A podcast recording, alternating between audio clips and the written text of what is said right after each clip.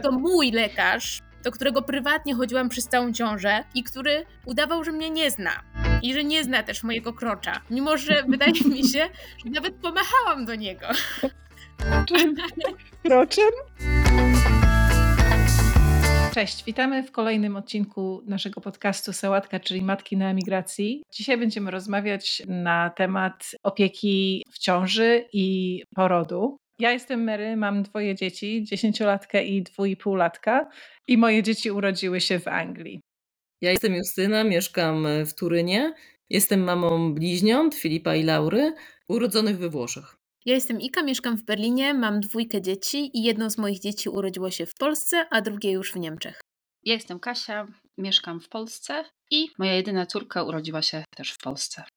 Słuchajcie, odkrywacie, że jesteście w ciąży, robicie test i co dalej? Więc robię to, co moje koleżanki, czyli od razu szukam lekarza i no, jest to lekarz prywatny. Nawet podjęłam jakąś taką nieśmiałą próbę znalezienia lekarza na NFZ, ale mi się to nie udało. Już w każdym razie lekarz prywatny, umawiam się na pierwszą wizytę, jest badanie USG, no i dowiaduję się, no, że, że rzeczywiście jest ciąża. Ja cię przerwę ci, w którym mhm. tygodniu jest ta wizyta? Yy, w moim przypadku to był szósty tydzień. Czyli od razu jak e. dzwonisz, to jak gdyby jak najszybciej cię na tą wizytę umawia, tak? Tak, czyli szósty tydzień, potwierdza, że jest ciąża, no i daje wskazówki, jak skierowanie już na pierwsze badania, tak? I umawiasz się na kolejną wizytę i to jest za miesiąc, tak? I chodzisz do tego lekarza co miesiąc do końca ciąży. Czyli de facto USG, Kasia... Nie? I co miesiąc masz USG. Mhm. Ja, tak jak mówiłam, pierwsze dziecko rodziłam, znaczy byłam w ciąży w Polsce i rodziłam córkę w Polsce. I też pamiętam, że na początku miałam taki pomysł, że będę chodziła do ginekologa na NFZ i nawet znalazłam lekarza, ale dosyć szybko z niego zrezygnowałam. I teraz zastanawiam się, czy to był po prostu jakiś mój problem, że mi się wydawało, że on mi jakoś blokuje dostęp do badań. Pamiętam, że nie chciał dać mi skierowania na badanie na toksoplazmozę, mimo że miałam dwa koty, które od czasu do czasu wychodziły też. I pamiętam, że jakby to mnie skłoniło do tego, żeby ostatecznie szukać jednak e, lekarza prywatnie, ale ostatnio konsultowałam specjalnie trochę do tego odcinka z różnymi osobami chodzenie prywatnie lub chodzenie do ginekologa na NFZ i okazuje się, że można w Polsce również i znam osoby, które chodziły do ginekologa na NFZ i są zadowolone, więc być może to jest po prostu tak, że jest to jakieś takie poczucie, że musisz się jakoś, e, no nie wiem, że czujesz się bezpieczniej, jeśli masz tę opiekę prywatną prywatnie. We Włoszech, no też wiadomo, dowiadujesz się, odkrywasz, że jesteś w ciąży, dzwonisz do lekarza prywatnie lub też możesz zadzwonić do, to się tutaj nazywa konsultorio, do takiego jakby, do takiej poradni ginekologiczno-położniczej. Zostajesz umówiona na wizytę z tym, że ona się odbywa tak w okolicach ósmego tygodnia dopiero, bo chodzi o to, żeby już po prostu było dobrze widać, że ten płód się zagnieździł w macicy. I potem, tutaj zaznaczam, że opowiadam o czymś, co, co istnieje w Piemoncie, czyli w regionie, w którym mieszkam, bo potem z wynikiem tego USG idziesz właśnie do tej poradni państwowej, ginekologiczno-położniczej i dostajesz taki segregator ciążowy, który towarzyszy ci potem przez całą ciążę. On jest w ogóle super zrobiony, bardzo prostym językiem napisany. Jest w nim trochę informacji, co się będzie działo w każdym tam miesiącu ciąży czy trymestrze, czego się możesz spodziewać. W tym segregatorze są już od razu skierowania na wszystkie badania na całą ciążę, na wszystkie, na badanie krwi, na badanie moczu, na wszystkie USG i to jest super sprawa, bo nie musisz już do nikogo iść, dzwonić, umawiać się, żeby ci te skierowania wypisał. Bardzo mnie to zaskoczyło pozytywnie w ogóle ta cała organizacja. W Anglii jest e, bardzo podobnie, bo właśnie na pierwszej wizycie się dostaje tak zwany maternity notes i to jest właśnie taki mały segregator A4, gdzie jest dużo różnych informacji o tym, jakie będą badania wykonywane, kiedy będą te wizyty. Natomiast to, co zawsze szokuje, jeśli chodzi o opiekę ciążową, to to, że w Anglii przynajmniej jeśli to jest taka ciąża, wiecie, bez, bez komplikacji, taka standardowa ciąża, tak naprawdę jest się pod opieką położnej i pierwsza wizyta, tak podobnie jak we Włoszech, jest przed dziesiątym tygodniem i potem dopiero w, gdzieś tam w okolicach 12 tygodnia jest pierwsze USG, natomiast następne jest dopiero w 20 tygodniu i to jest to USG połówkowe. I jeśli chodzi o USG, to to jest wszystko na całą ciążę, chyba że są jakieś wskazania do tego, żeby było dodatkowe USG robione, na przykład wiek matki, tudzież jakieś tam niepokojące, nie wiem, objawy i tak dalej. Ja na przykład w pierwszej ciąży rzeczywiście miałam tylko dwa USG robione. Nie mam temu systemowi w sumie nic do zarzucenia, ale z drugiej strony no, mam świadomość, że ja miałam takie dosyć książkowe te ciąże. Natomiast jestem pewna, że gdyby rzeczywiście coś się działo i gdyby były jakieś podstawy do tego, żeby się martwić, to bym dostała dodatkową wizytę, czy właśnie dodatkowe USG. W Niemczech powiedziałam, że ten system jest trochę po środku, taki, ponieważ de facto chodzisz do gabinetu lekarskiego, to znaczy masz jakąś tam panią e, ginekolog czy pana ginekologa, do którego chodzisz normalnie i tam jest też położna i Różnica polega na tym, że faktycznie, gdy chodzisz tam na te badania ciążowe, to tego lekarza praktycznie nie widujesz. USG w Niemczech jest y, trzy razy, jakoś tam na samym początku, między 9 a 12 tygodniem, później znowu jest to połówkowe i właśnie później na koniec tam między 29 a 32 tygodniem. To we Włoszech, we Włoszech jest tak samo, no też są trzy USG. Więc ja z tych trzech miałam to ostatnie. Trafiłam do Niemiec w ciąży już stosunkowo późno, bo to był już ósmy miesiąc i wtedy rzeczywiście hmm. miałam styczność z tą moją panią doktor. Czy jest duża Sorry. uwaga zwracana na wagę? Tak, nawet do tego dochodzi, że po prostu taki terror nie jest stosowany od pierwszej wizyty. Od razu ci mówią, że po prostu przez tam, nie wiem, pierwsze trzy miesiące to w ogóle nie powinnaś nic przytyć, czy tam, nie wiem, kilo dwa, i potem na każdej wizycie jest, e, jesteś ważona i dostajesz reprymendę, nie? jak tam przekroczysz te widełki, ile możesz przytyć w pojedynczej ciąży, to tak mówią, że powinnaś przytyć maks 11-12 kilo przez całą ciążę. A tak optymalnie to tak właśnie do 10. To jest mega stres. Właśnie to jaki mnie bardzo jest, Jaki to musi być stres? To mnie bardzo zdziwiło, jak wam, no mówiłam wam o mojej kuzynce, która niedawno była w ciąży mhm. na Sardynii i jej lekarz bez przerwy jej powtarzał, że jest za gruba co było tyle dziwne, że ona w moim odczuciu przynajmniej wyglądała naprawdę promiennie w tej ciąży i absolutnie nie mhm. wydawała mi się w żadnym momencie za no gruba. No też panuje ten terror w Polsce. Aczkolwiek jakby no, z, ponieważ jakoś nie było to w moim przypadku jakiś tam duży, dużo, dużo nie przytałam, więc gdzieś tam mi lekarz kilka razy pogroził paluszkiem, ale generalnie e, jakoś mhm. strasznie mnie tam nie, nie męczył, nie? więc... Dziewczyny, wydaje tak. mi się, że e, staracie się oddalić ten moment, ale wydaje mi się, że czas na poród. Dobra. Powiedzcie mi zaraz, jak to jest w Polsce i w, we Włoszech i w Niemczech. Bo w Anglii, wiadomo, można rodzić w domu z, z położną i można rodzić w, w miejscu, które jest w szpitalu, ale się nazywa birth center. I tam jest się pod opieką położnej, tam jest, dostaje się duży pokój z wanną, jeśli na przykład chce się rodzić w wodzie, e, z różnymi tam piłkami e, i tak dalej. Natomiast nie ma ten pokój takich, wiecie, znamion pokoju szpitalnego. Właśnie są, jest, jest przytulnie, można przyciemnić światło i tak dalej, i tak dalej. Można sobie włączyć muzykę. A jeśli jeśli na przykład y, są jakieś komplikacje, to się jest wtedy przenoszonym na, nie lubię tego słowa, ale na porodówkę, czyli na oddział już położniczy, mhm. który już no, wygląda bardzo szpitalnie, z całym swoim oprzyrządowaniem, konsultantami, lekarzami i E, w Warszawie no, natomiast... jest dom porodowy, bo zapytałaś Mary, więc w Warszawie jest dom mhm. porodowy przy szpitalu świętej Zofii i no i rzeczywiście to jest ta sama idea, tak, żeby to było bardziej jak w domu, a nie tak zmedykalizowane jak w szpitalu. Właśnie w Niemczech też są domy porodowe i idea jest dokładnie taka sama. E, jest też możliwość rodzenia w domu, ale obie te możliwości jakąś tam taką, zdaje się, super popularnością się nie cieszą. Mimo, może to wynika z tego, że sam poród w szpitalu jest, powiedziałabym, przynajmniej z mojego doświadczenia, raczej mało zmedykalizowany na tyle, ile, na ile to jest możliwe i jest też na tyle naturalnie prowadzony, że, że myślę, że prawdopodobnie jakiejś dramatycznej różnicy nie ma, ale no ponieważ nie mam porównania, tak, nie rodziłam w domu porodowym, ani nie rodziłam w domu nigdy, to, to, to nie mogę dokładnie powiedzieć. No właśnie, a jak to jest, słuchajcie, z przygotowaniem do porodu? Czy jest e, u Was coś takiego, jak że się sobie pisze taki plan i ten plan się wręcza położnej w momencie przyjazdu do szpitala czy do tego birth center. I wiadomo, że nigdy nie wiadomo, co się wydarzy, natomiast to pozwala położnej jak gdyby wiedzieć, jakie życzenia ma rodząca i, i w momencie, kiedy brak ci jasności umysłu, są te notatki, jest ten, jest ten plan, do którego można się odwołać. Czy jest coś u Was podobnego? Tak, To znaczy w Niemczech na pewno jest, na pewno pamiętam, że wypełniałam coś takiego w, w szpitalu, gdy byłam na takiej wizycie, żeby się zorientować, jak ten szpital w ogóle wygląda, w którym będę rodzić. To tam z położną wypełniałam taki formularz, nazwijmy to.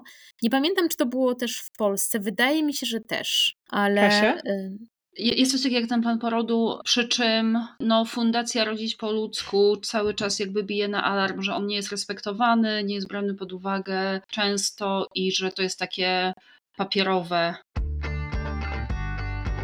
Pamiętam, że w Polsce zdarzały się po prostu takie sytuacje, no nazwijmy to po prostu jakiegoś jednak braku szacunku do osoby rodzącej, bo na przykład y, zdarzało się, że nie wiem, ktoś przeprowadzał badanie na mnie podczas porodu, kogo kompletnie nie znałam i on się pojawiał po prostu znikąd, tak? Był to jakiś na przykład lekarz, który załóżmy akurat miał dyżurem, po prostu wchodził do pokoju i bezpardonowo przechodził od razu do badania praktycznie od progu, tak? Nie przedstawiwszy mi się, Mhm. nie powiedziawszy, co właściwie się teraz będzie działo.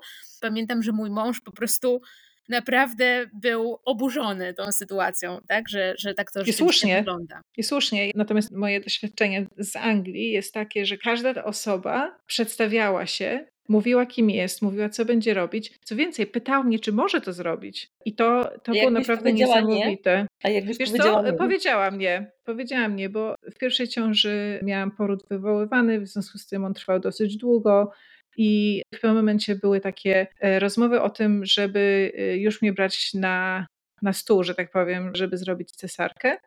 Natomiast ja y, zapytałam, powiedziałam, że, że czy jest jakaś inna możliwość, czy to musi być cesarka. I oni powiedzieli, możemy spróbować jeszcze jednej rzeczy. I ja powiedziałam, OK. Natomiast wysłuchano mnie, skonsultowano to ze mną, przedstawiono mi wszystkie za i przeciw i pozwolono mi dokonać wyboru, co naprawdę, naprawdę bardzo mi pomogło. I mimo, że ten poród był ciężki, to jego jednak wspominam OK. No, Po prostu byłam traktowana po ludzku, tak? I, i miałam jakąś sprawczość. Natomiast, natomiast uważam, że gdyby ta opcja, którą mi zaoferowano, jak gdyby nie była możliwa, tak? Bo byłaby zbyt ryzykowna, to myślę, że, ja, że oni by mnie przekonali, tak? Podając mi argumenty, dlaczego nie. Pewnie by ci po prostu wprost powiedzieli, bardzo nam przykro, ale w tym momencie już musimy działać, bo naprawdę jest źle, tak? tak. No i też Mhm. byś przede z tym nie przynajmniej- dyskutowała, tak? No bo to jest takie No jasne, założenie, jasne. bo to, to mi się wydaje, że często się pojawia to pytanie, jak się mówi o tym, że tak rodząca ma podmio- podmiotowość i powinna decydować, to właśnie się pojawia, no tak, ale ona nie jest specjalistką, ona nie rozumie, no ale okej, po to są ci lekarze, żeby ocenić na ile jeszcze mogą tutaj tak. prowadzić z nią rozmowę, a na ile już muszą wkraczać do akcji. I rzeczywiście w Niemczech, właśnie tak jak mówisz Mary, że ja miałam dokładnie podobne obserwacje i to dla mnie też było takie, no naprawdę kompletnie dwa światy. Nie wiem, pewnie ta sytuacja się zmieniła od tamtego czasu e, w Polsce. Natomiast ja pamiętam właśnie to, co mnie uderzyło w Niemczech, że każda osoba, która wchodziła do pokoju, w którym rodziłam, czy też do pokoju, w którym później już w połogu leżałam w szpitalu, przedstawiała mi się, mówiła, kim jest, czym się zajmuje, jakiego rodzaju badanie czy zabieg przyszła właśnie przeprowadzić. I właśnie tak jak mówisz, pytała mnie o zgodę. I to było po Mhm. prostu niesamowite, e, ale kompletnie zmieniało, wiesz, od razu sposób, w jaki się tam czujesz, nie? To nie, to słuchajcie, to ja nie Ja mam takiego tylko- we Włoszech, bo znalazłam się w szpitalu 7 tygodni przed terminem porodu i już z niego nie wyszłam, a dzieci urodziły się w 34 tygodniu ciąży. Natomiast jak pamiętam, że jak mnie przyjmowano na oddział, to no, zrobili mi oczywiście badania krwi, moczu i tak dalej. I potem w ogóle przyszła pielęgniarka, nie przedstawiając się absolutnie, i podłączyła mi kroplówkę. I dopiero na, wiesz, na, na moje pytanie, ale co to antybiotyk, nie? Więc potem poszłam tam do pokoju tych pielęgniarek, no, żeby się zapytać, czy mogłabym zobaczyć wyniki tego posiewu moczu. I też i powiedziałam w ogóle rzecz, której nie należy mówić nigdy. Mówię, bo moja mama jest lekarzem i po prostu chciałaby wiedzieć konkretnie, nie, co, co tam jest, co wyszło. I słuchajcie, one mnie tak obsztorcowały, że w ogóle no to e, a mama jest lekarzem, to może nam doradzi. Wiesz, jakoś no po prostu chamsko się zachowały, nie? Przy czym ja wtedy w tym momencie byłam totalnie, jak gdyby mnie to nie, nie brało, bo byłam skoncentrowana na, jak gdyby chciałam tylko, żeby wszystko się dobrze potoczyło i jak gdyby nie, nie dotykało mnie to, nie? Dopiero później jak sobie tak analizowałam i, i myślałam o tym, to no to nie mogę powiedzieć, że we Włoszech, przynajmniej z y, moich doświadczeń tutaj y, bycia hospitalizowaną, no to, to nie jest tak, jak wy opowiadacie. Wiesz co, może jest coś e, w służbie zdrowia włoskiej podobnego do służby zdrowia polskiej, e, Wiesz co, wydaje mi się, że tak. gorszego, bo pamiętam, jak raz mi się zdarzyło mieć styczność z włoską służbą zdrowia, jak e, rozwaliłam sobie kolano na nartach w Livigno i pamiętam, że wyszłam z płaczem, nie? Z tamtej przychodni. Bo po prostu ten pan, który mnie przyjmował, był tak niesympatyczny, a ja byłam generalnie strasznie smutna, że już nie mogę jeździć. I on po prostu e, doprowadził mnie rzeczywiście do płaczu, nie? Swoim chamskim po zachowaniem. Po włosku czy E, po, po angielsku? angielsku. Łamanym angielskim, ale na tyle zrozumiałem, że e, rzeczywiście miało to taki efekt. To Ale może ten chciałam- angielski cię doprowadził do płaczu. Właśnie. A propos nieprzedstawiania się lekarzy w Polsce, to ja miałam taką sytuację, która mnie przeraziła i bardzo rozśmieszyła jednocześnie w szpitalu w Poznaniu na Polnej, gdy już byłam po porodzie w takiej tej salce poporodowej, tam było chyba, były chyba cztery inne kobiety z noworodkami w tej salce też. No i to były jakieś tam dosłownie pierwsze doby po porodach dla każdej z nas, więc wiadomo, że w którymś momencie konieczne jest to te oględziny krocza, które się po porodzie przeprowadza. I pamiętam, że wyglądało to tak, że w pewnym momencie do sali weszła pielęgniarka i powiedziała do nas tonem bardzo rozkazującym: Proszę przygotować krocza do badania. Po czym za chwilę wszedł jakiś pan w kitlu, który się właśnie nie przedstawił, i ta pielęgniarka również go nie przedstawiła, i on po prostu ze stoickim spokojem zaczął chodzić od łóżka do łóżka i oglądać te przygotowane do badania krocza. U mnie sytuacja była podwójnie komiczna, ponieważ Straszne. był to mój lekarz, do którego prywatnie chodziłam przez całą ciążę i który udawał, że mnie nie zna. I że nie zna też mojego krocza. Mimo, że wydaje mi się, że nawet pomachałam do niego. Czym? Kroczem? Nie zareagował. No właśnie, e, porozmawiamy o szkole rodzenia, jak to wygląda e, i czy jest to organizowane przez szpital, czy jest to prywatna szkoła rodzenia, jak... We Włoszech są takie i takie, przy czym bardzo trudno jest się dostać do tych państwowych, bo ja nawet w pewnym momencie próbowałam, mimo że trochę się biłam z myślami, no bo wiedziałam, że będę mieć cesarkę, ale stwierdziłam, że no może się czegoś tam, zawsze to będzie jakieś takie, nie wiem, wyjście do ludzi, wyjście z domu, może się czegoś dowiem, co mi się przyda potem, ale zabrałam się w ogóle za późno mm, do tego, żeby się zapisywać do tej szkoły, bo już, nikt, bo już po prostu nie było miejsc. Więc potem dostałam telefon, żeby dzwonić prywatnie do różnych położnych i słuchajcie, pierwsza, do której zadzwoniłam, zaproponowała mi termin kursu, który wypadał po moim terminie porodu. Więc no więc y, jak gdyby zrezygnowałam z tego, a potem tak się wszystko potoczyło, że i tak bym pod koniec ciąży i tak bym, jak gdyby moje dzieci już, już były urodzone w, tym, w tych tygodniach, kiedy nie miałam, miałabym chodzić do tej szkoły, więc to się wszystko jakoś tak automatycznie po prostu rozwiązało. W Polsce są takie i takie szkoły rodzenia, i prywatne, i państwowe. I można by się zastanawiać, czy to ma sens. W sensie takim, że przecież i tak urodzisz i jakby to nie jest takie trudne. Albo inaczej, jak już jesteś na tej sali, e, to i tak zapominasz wszystkiego w tym amoku. Ale wydaje mi się, że to jest.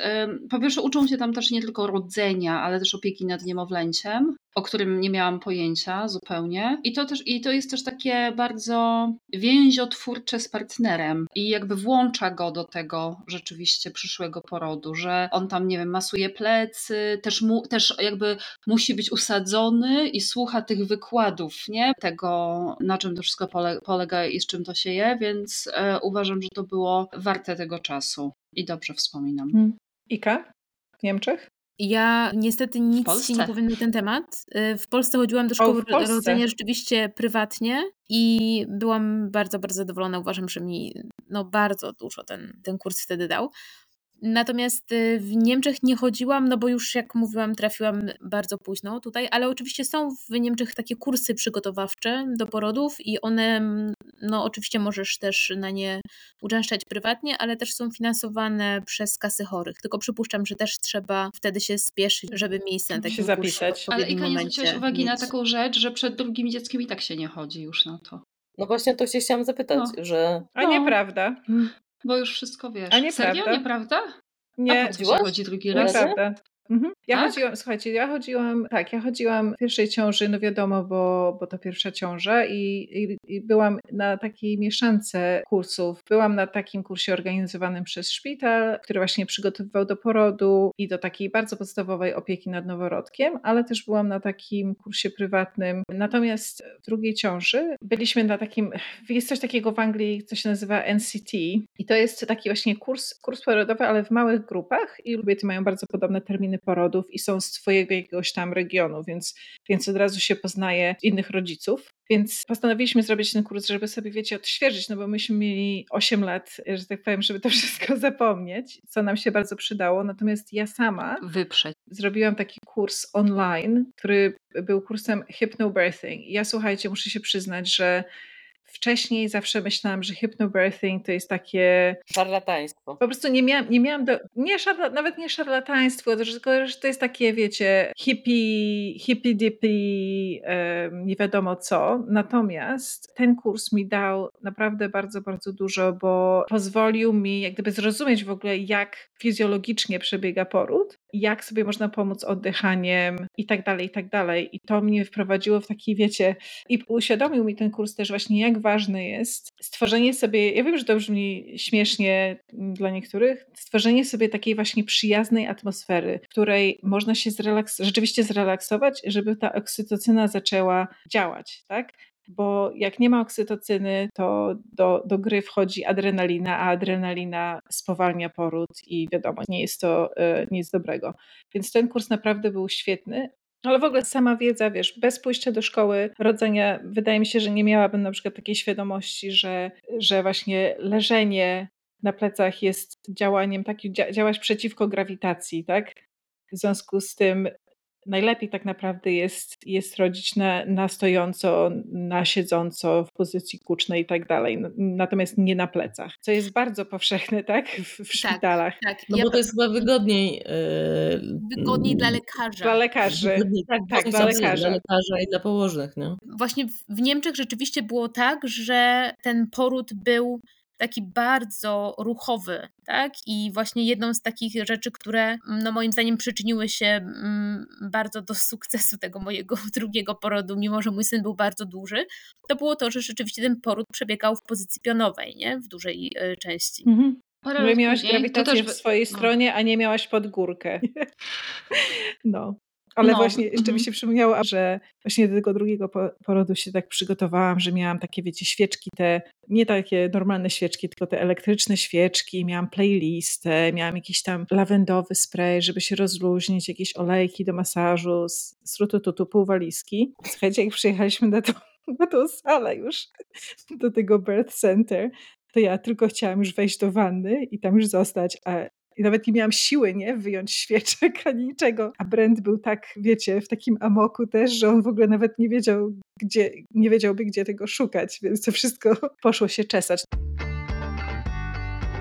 pierwsze wrażenie moim zdaniem się liczy, tak? Czy wchodzić do jakiegoś miejsca, które jest y, mało atrakcyjne, czy jednak y, widać, że ktoś się postarał, żeby ci było przyjemnie, bo jednak pewnie no to jest to, co Mary mówiła o tym, że te hormony działają jednak, tak? Albo masz do czynienia z oksytocyną, albo adrenaliną, ale dla mnie na przykład to miało duże znaczenie po porodzie. I to jest to, że ja, ja mam do tej pory takie e, wspomnienia dosyć silne z porodów w Niemczech, bo to jest tak, że oni organizują ci to wszystko w taki dosyć uroczy sposób zaraz po porodzie, czyli na przykład jak jesteś już zawożona do tej sali poporodowej, to tam czeka na ciebie twoje zdjęcie z twoim noworodkiem, które było ci zrobione zaraz jak on się urodził, tam dosłownie parę minut po tym, po tym porodzie. I ono czeka na ciebie na stoliku razem z takim termosem z Fencheltee oczywiście, czyli herbatą z kopru którą leczy się w Niemczech wszystko.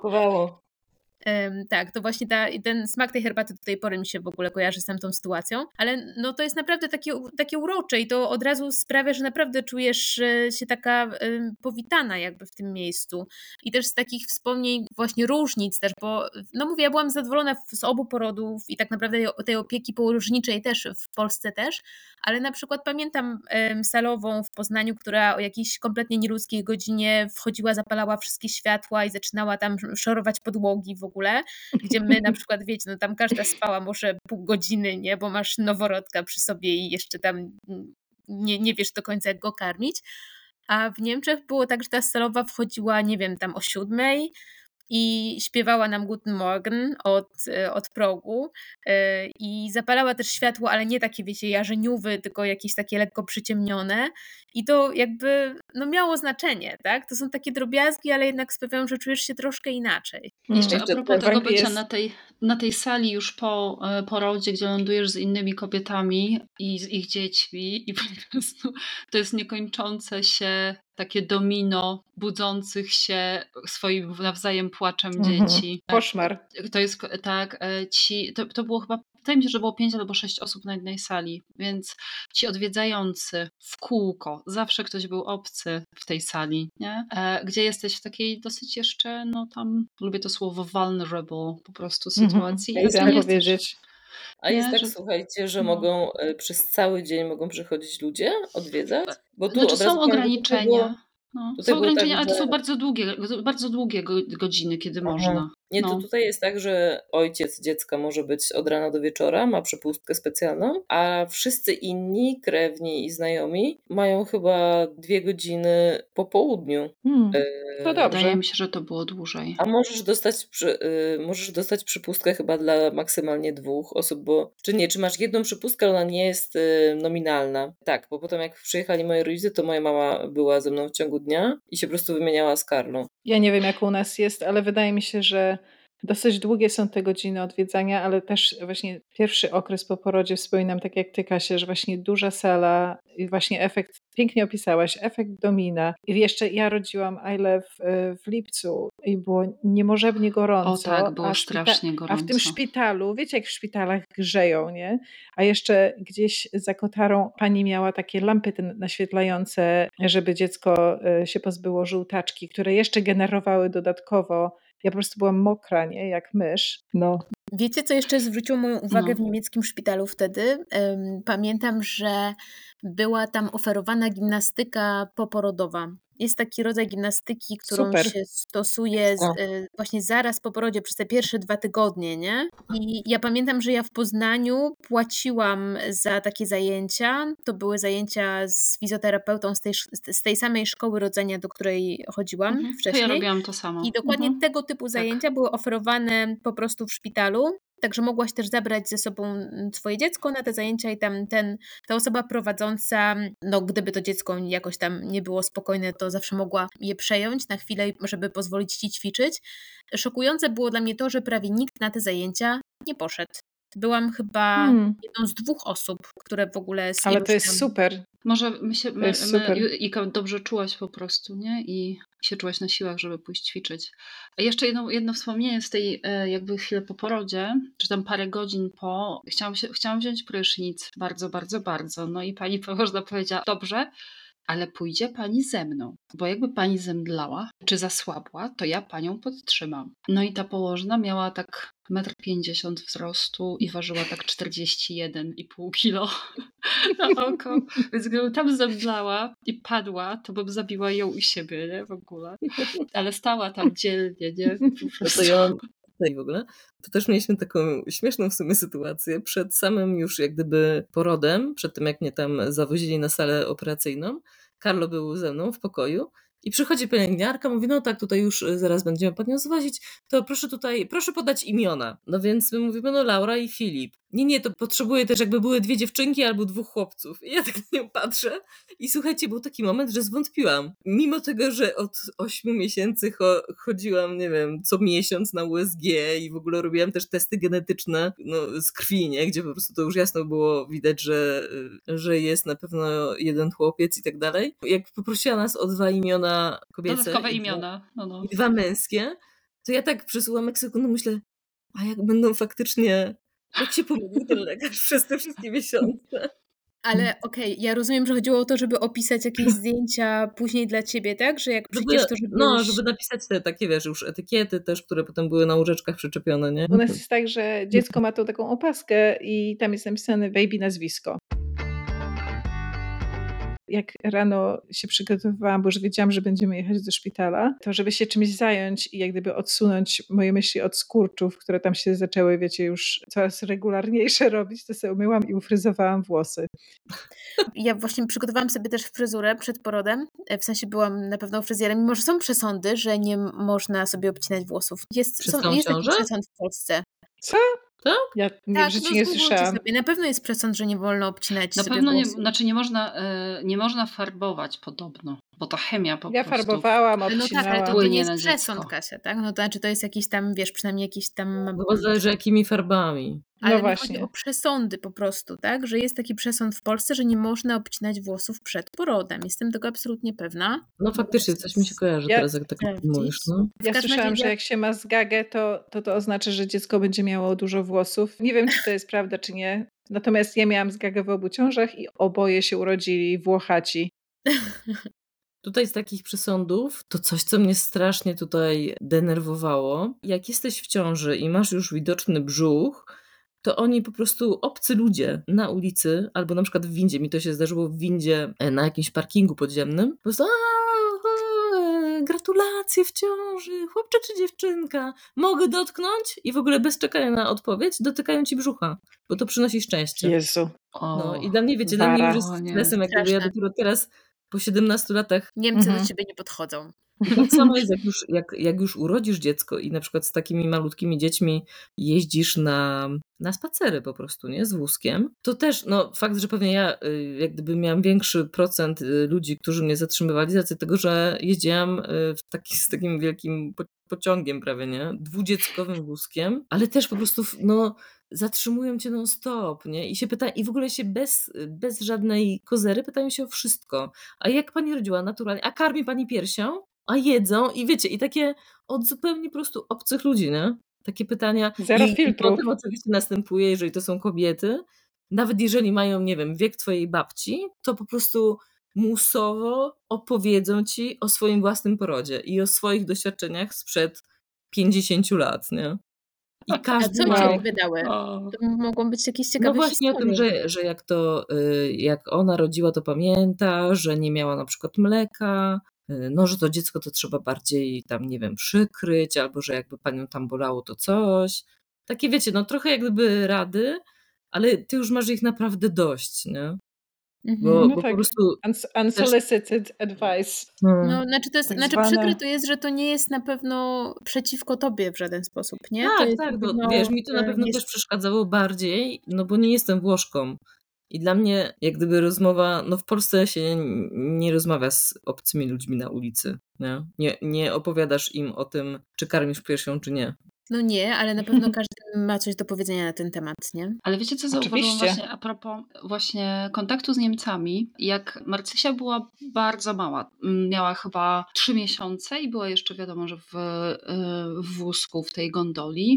By- Byliśmy w Świnoujściu i poszliśmy sobie na spacer na zachód do Albek. I to, bu- tak było widać wyraźnie różnicę pomiędzy zainteresowaniem, uprzejmością ludzi, jakby w stosunku do małego dziecka, czy kobiety, czy pary z małym dzieckiem, czyli w Polsce zero, nie? W ogóle wszyscy się mają gdzieś. Natomiast Niemcy, szczególnie ci starsi, już na sam widok tego dziecka, znaczy tego wózka się uśmiechali, zaglądali do tego wózka, pytali jak to dziecko ma na imię, a jaka śliczna, a jaka ładna, a jaka coś tam. Jakby i później jak też na przykład jeździliśmy do Berlina z małą, to też widać było dużą różnicę, jak ludzie traktują obce dzieci. Że w Polsce mam wrażenie, że to jest na zasadzie, o nie, dzieciak zaraz będzie się darł i w ogóle o w restauracji, o zaraz będzie karmiła piersią, o coś tam, coś tam. A w Niemczech zupełnie, nawet nie tylko taki luz, ale też taka uprzejmość i serdeczność. No ale podejście mam do, takiego, wrażenie- do tego dziecka, które jest człowiekiem, tak? Małym człowiekiem, a nie Mam wrażenie, że faktycznie tak jest, że nie wiem, czy Niemcy lubią dzieci, małe dzieci zwłaszcza, czy po prostu jest y, taki, y, jest to tak przyjęte, że faktycznie ludzie czują się swobodnie, żeby o to dziecko zapytać, czy zagadnąć tego rodzica, czy powiedzieć coś miłego i, i rzeczywiście chętnie to robią. Mnie to zawsze rozczula, że na przykład na dzieci się tutaj mówi Mäuschen, czyli myszka. Nie, na takie właśnie dzieci, właśnie takie No. maluchy, zwłaszcza takie przedszkolne, jak są takie, takie najśmieszniejsze i najbardziej urocze, jak tam się, jak tam biegają po tych parkach y, w, w tych swoich małych ubrankach, to właśnie ludzie często właśnie tak reagują, o wizus, albo coś takiego, nie? Że właśnie, że takie słodkie, małe myszy. To jest faktycznie dosyć urocze. A wiecie, a propos tego, co ty, Marysia, mówiłaś, to ja mam wrażenie, że te- takie osoby w ogóle, bo jest, mam wrażenie, że to jest taka, taka kategoria osób, które uważają, że jakby posiadanie dzieci to jest każdego osobista decyzja i to w ogóle y, właśnie państwo nie powinno rodziców w żaden sposób wspierać, bo to ostatecznie jak chcesz mieć dzieci, to masz, a jak nie, to masz psa albo nie masz nic. Że właśnie te osoby sobie kompletnie jakby nie zdają sprawy z tego, że to są ich, że to są ludzie, tu, od Ich których zależy ich przyszłość, tak? I No. Pamiętam, że kiedyś na jakimś forum e, pod jakimś artykułem na temat dzieci, zszokowało mnie, że wiele było takich wypowiedzi, które wskazywały na to, że ludzie sobie nie zdają kompletnie sprawy z tego, że oni potrzebują tych dzieci, tak? Bo na przykład ludzie na Mhm. przykład piszą rzeczy, ja sobie tam sam odkładam na moją emeryturę Tak. i nie będę w ogóle potrzebował w ogóle właśnie y, tych Sam bachorów, se tak? podam, I wiesz, sam i se podam no, szklankę tak- wody. w sensie, ale komu zapłacisz, nie? No sobie odkładasz, super, ale komu zapłacisz Tak. tymi pieniędzmi w ogóle? Kto, Więc no mnie to właśnie, kto, kto będzie nie? pracował, kto będzie. To jest, to jest właśnie to, to jest kompletne niezrozumienie, jak gdyby cyklu życia, tak? I społeczeństwa, i tego, że te dzieci kiedyś będą płacić podatki, tak? I pracować. Bo To są ludzie, którym się, którym się wydaje, że oni zawsze będą młodzi, żywotni, zdrowi i nie spotka ich żadne nieszczęście, żadnych wypadek losowy i tak dalej. Dziękujemy Wam za wysłuchanie kolejnego odcinka naszej sałatki, czyli Matek na emigracji. Mamy nadzieję, że Wam się podobało, a jeśli tak, to oczywiście zapraszamy od razu na kolejny odcinek. Tym razem jego tematem będzie karnawał i będziemy miały dla Was niespodziankę. Zaprosiłyśmy gościa, który opowie Wam o doświadczeniach ze swojego kraju. Także w następnym odcinku spodziewajcie się zestawienia doświadczeń z pięciu, tym razem, a nie czterech krajów europejskich.